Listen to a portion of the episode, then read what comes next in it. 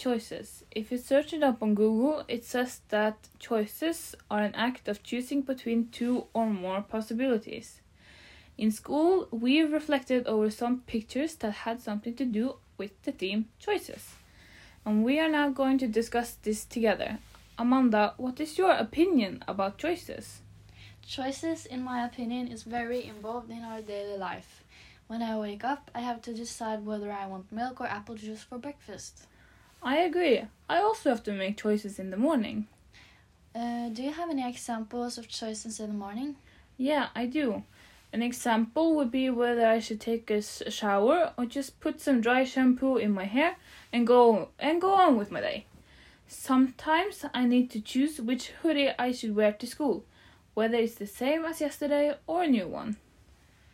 Uh, and there are also bigger choices, such as what school I want to go to or what job I choose to work at. Every choice has a meaning, and some of them can change your whole life.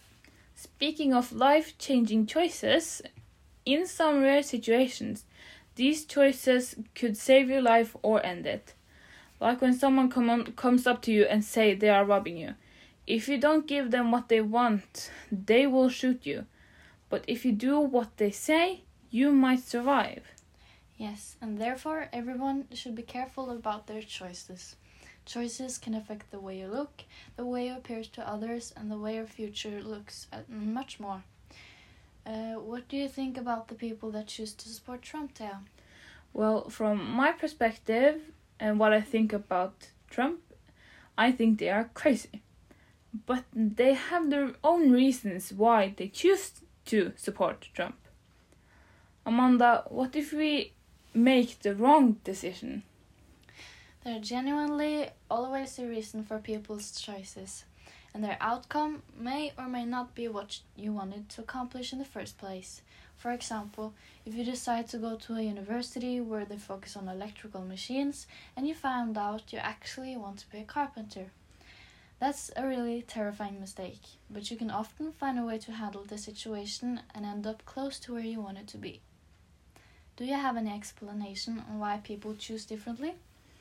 People tend to choose differently because of their own hobbies or self interest. For example, uh, a person who plays football and a person who dances, as their hobbies are most likely to choose differently. Like a, fo- a football player would rather buy new football shoes than clothes, and a dancer would buy new clothes for dancing than football shoes. Exactly. Uh, let's say someone says something that upsets you, and you can decide whether you want to let it go or speak up about it. You, as a person, will only grow if you decide not to let it go. I think this was all for today, Amanda. I do too. This was our conversation about choices.